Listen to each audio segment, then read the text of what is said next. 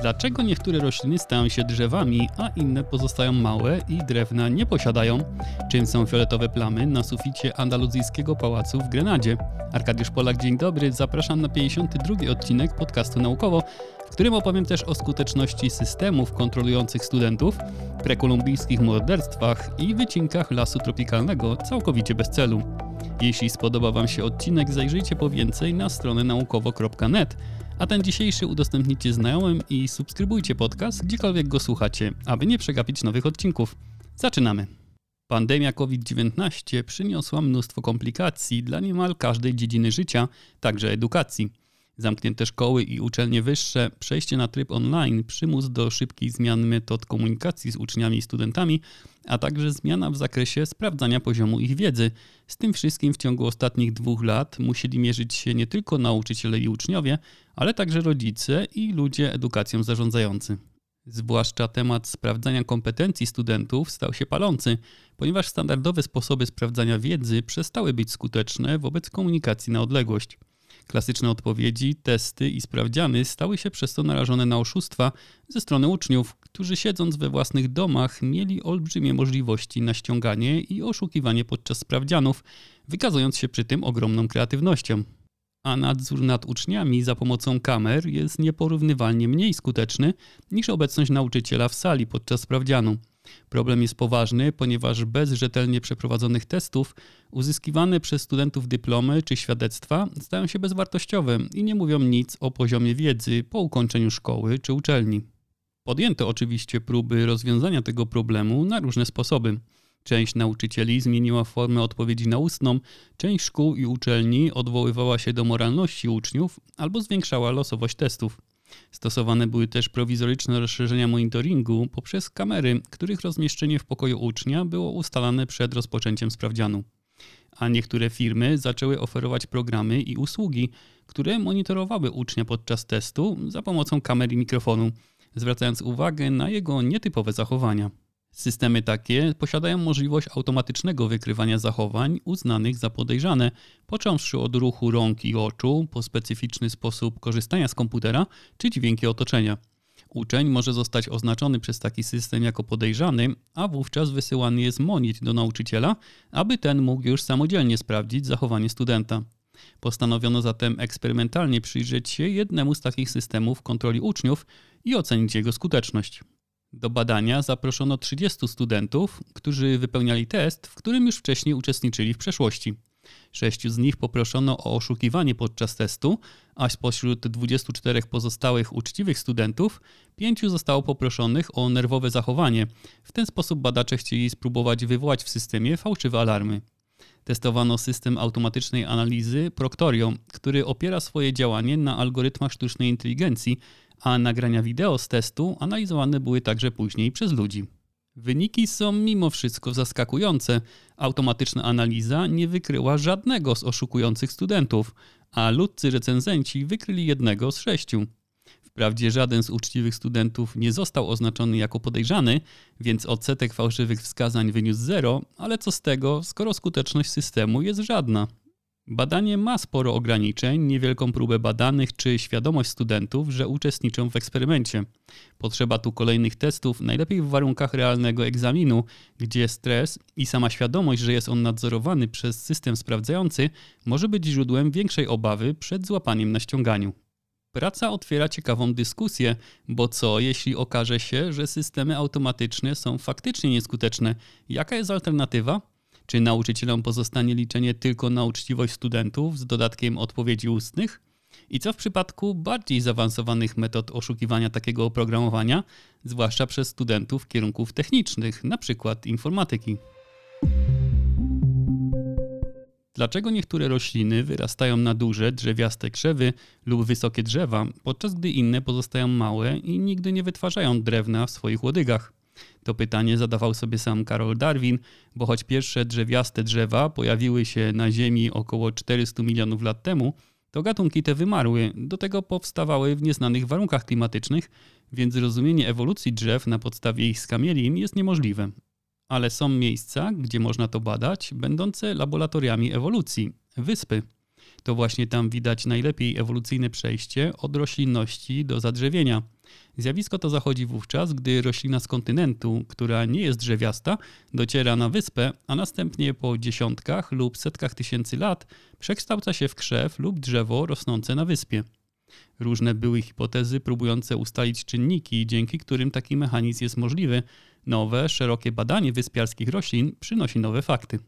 Badacze w ciągu 10 lat budowania bazy danych zidentyfikowali nie tylko wszystkie wyspowe gatunki roślin drewnianych na świecie, to ponad 1000 gatunków na 375 wyspach, ale także globalnie zmapowali ich rozmieszczenie oraz przetestowali, która z hipotez ewolucyjnych jest najbardziej prawdopodobna.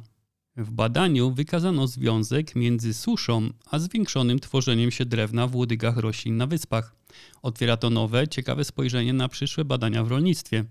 Skoro zamiana roślin w drzewa i krzewy powodowana jest przez suszę, a ta choćby w Europie jest ostatnimi czasy nagminna, to być może będziemy w stanie przekształcić każdą zwykłą roślinę w taką, która zawiera drewno, zwiększając w ten sposób jej odporność na suszę i pomóc zabezpieczyć przez to produkcję żywności. Jest to ważne nie tylko w obliczu rosnącej liczby ludzi na świecie, ale także wyjątkowej umiejętności ludzi do marnowania nawet tak podstawowych zasobów jak woda i jedzenie. Jak podaje Komisja Europejska, ponad 87 milionów ton jedzenia marnuje się co roku w Unii Europejskiej. To po 173 kg na osobę, procentowo najwięcej w gospodarstwach domowych. Jak można się domyśleć, istnieją przy tym spore różnice między krajami bogatymi, gdzie marnuje się średnio od 95 do 115 kg żywności na osobę rocznie, podczas gdy w krajach uboższych ilość marnowanej żywności wynosi przeciętnie od 8 do 11 kg rocznie na osobę. A trzeba dodać, że nie tylko o samo jedzenie tu chodzi. Wyrzucana żywność to dodatkowo zmarnowana energia i zasoby potrzebne do jej produkcji, transportu czy przechowywania. Nie lepiej jest z wodą. Według Organizacji Narodów Zjednoczonych co dziewiąta osoba na świecie nie ma dostępu do czystej wody. 2 miliardy ludzi zamieszkuje kraje, gdzie występuje jej niedobór, a jeśli trendy się utrzymają, to do 2050 roku 50% populacji na świecie nie będzie posiadało swobodnego dostępu do wody pitnej. W Polsce roczny zasób wody na jednego mieszkańca to około 1,5 tysiąca metrów sześciennych. Jest to ponad trzykrotnie mniej niż średnia europejska a statystyczny Polak zużył w 2019 roku 33 tysiące litrów wody. Daje to około 90 litrów dziennie na głowę, aż 30% z tej puli przeznaczonych jest na spłukiwanie toalet. W marnowaniu zasobów ludzie osiągają szczyty głupoty. Nowy raport pokazuje, że dzieje się to nawet wówczas, gdy wycinają lasy tropikalne. Głównie za sprawą rolnictwa, co najmniej 90% wylesionych gruntów to skutek ekspansji rolnictwa. Daje to każdego roku wycinkę o powierzchni między 6,4 a 8,8 miliona hektarów lasu. Szokujące są przy tym ustalenia opublikowane w czasopiśmie Science, że tylko 45 do 65% tego wylesionego terenu jest później faktycznie obsiana i produkuje żywność. Co się dzieje z resztą, wycinaną bez celu? Część z tych terenów karczuje się na przyszłość w związku z planami, które nigdy później nie są realizowane lub są porzucane na skutek błędnych projektów, nieprzemyślanych lub niedofinansowanych. Część gruntów karczowanych jest tylko pod przyszłą sprzedaż, a część po wycince okazuje się nieodpowiednia pod uprawy. Często las lub jego pozostałości po prostu są podpalane, a ogień rozprzestrzenia się na tereny sąsiadujące z potencjalnymi gruntami pod uprawę. A wszystko to, aby zapewnić działanie wielu gałęziom rolnictwa. To ekspansja pastwisk jest zdecydowanie najważniejszym czynnikiem, który odpowiada za około połowę wylesień spowodowanych produkcją rolną w tropikach. Uprawy palmy olejowej i soi odpowiadają łącznie za co najmniej jedną piątą, a sześć innych upraw kauczuk, kakao, kawa, ryż, kukurydza i maniok prawdopodobnie odpowiadają za większość z pozostałej części areału wycinek. W grudniu tego roku odbędzie się w Kanadzie konferencja ONZ w sprawie różnorodności biologicznej. Kolejne spotkanie na wysokim szczeblu, które ma ustalić globalny plan działania na rzecz zachowania, ochrony, odbudowy i zrównoważonego zarządzania różnorodnością biologiczną i ekosystemami na najbliższą dekadę. Padnie dużo słów i ambitnych deklaracji. Problem w tym, że najważniejsza jest realizacja tych celów i poważne potraktowanie problemów, które człowiek sam powoduje. Konserwacja i restauracja zabytków pozwalają na zachowanie ich w dobrym stanie technicznym, aby przyszłe pokolenia mogły się nimi cieszyć, przy czym trzeba zachować pewne zasady podczas prac konserwatorskich. Ingerencja w zabytkowy obiekt, czymkolwiek by nie był, powinna być jak najmniejsza, tak aby zachował on swoją oryginalność przy jednoczesnym tworzeniu szczegółowej dokumentacji zmian. Interwencja specjalistów powinna też być w miarę możliwości odwracalna, powinna usuwać tylko to, co działa na obiekt niszcząco i nie powinna poprawiać oryginału. To niezmiernie odpowiedzialna praca, często nazwana sztuką konserwatorską, wymagająca niebywałych umiejętności i wiedzy, ale także narzędzi, w tym bardzo nowoczesnych, które często pomagają przywrócić piękno zabytkom.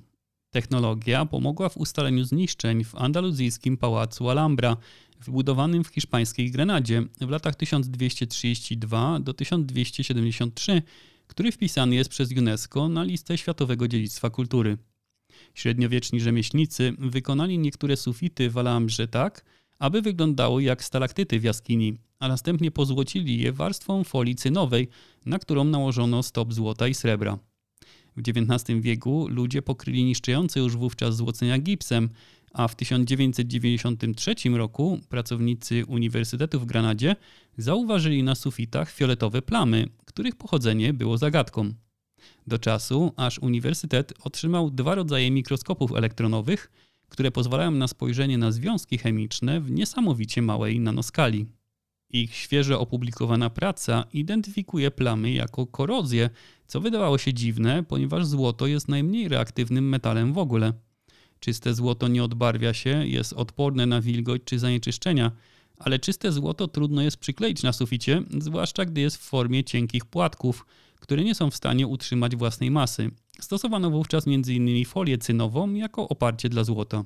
Chociaż czyste złoto jest odporne na korozję, stop złota i srebra stosowany w alambrze już nie jest.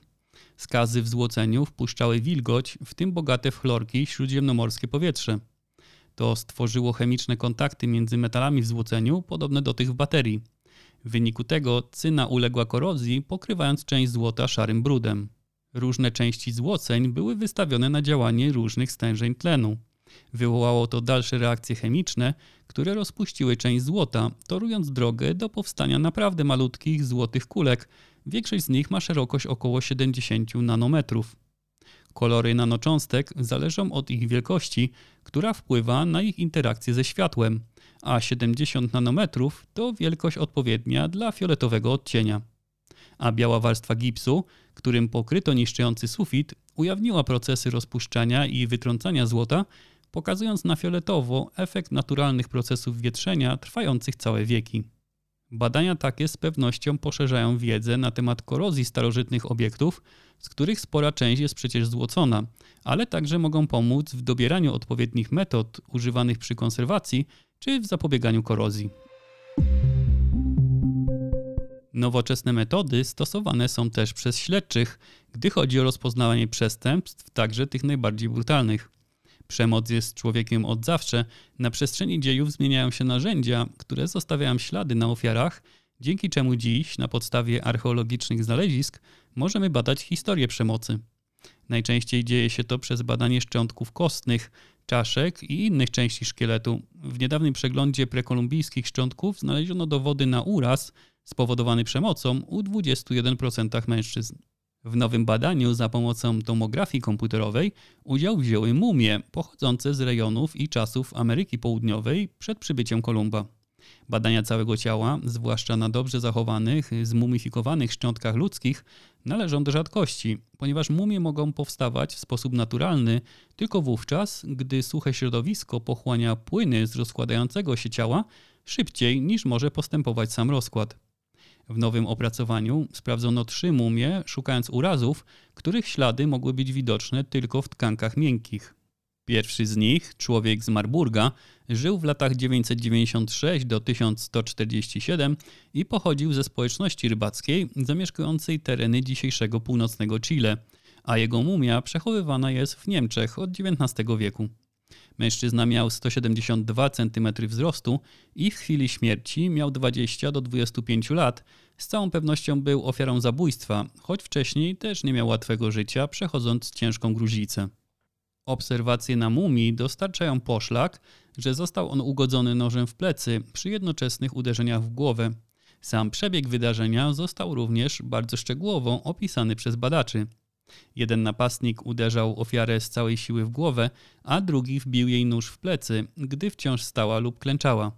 Alternatywnie ten sam lub inny napastnik, stojący po prawej stronie ofiary, uderzał w głowę, a następnie odwrócił się do tyłu i wbił jej nóż w plecy. Dwie kolejne mumie, przechowywane w Szwajcarii, pochodzą prawdopodobnie z regionu Arequipa w dzisiejszym południowo-zachodnim Peru, ale pochodzą z dwóch różnych okresów. Mężczyzna zmarł między 902 a 994 rokiem, między 40 a 60 rokiem swojego życia, a 20-30-letnia kobieta między 1224 a 1282 rokiem. I tu również doszło do zbrodni. Przyczyną śmierci mężczyzny był masywny uraz kręgosłupa szyjnego, wcześniej będąc ogłuszonym uderzeniami w czaszkę. Tylko kobieta zmarła z przyczyn naturalnych, choć znaleziono rozległe uszkodzenia szkieletu, to badacze sugerują, że powstały one po śmierci, prawdopodobnie podczas pochówku. Takie rozległe badania, obejmujące wiele metod, pomagają w poznaniu historii minionych cywilizacji, stosunków społecznych czy zastosowania przemocy. Niemniej podobne metody wykorzystywane są współcześnie do interpretacji i oceny przypadków zarówno w medycynie, jak i w kryminalistyce. I to wszystko w dzisiejszym odcinku. Na kolejne doniesienia z naukowego świata zapraszam w środę, a w międzyczasie możecie dołączyć do naszego serwera Discord, gdzie zbieramy społeczność zainteresowaną nauką i ciekawymi doniesieniami. Wszystkie linki znajdziecie w opisie odcinka. Miłego weekendu, do usłyszenia!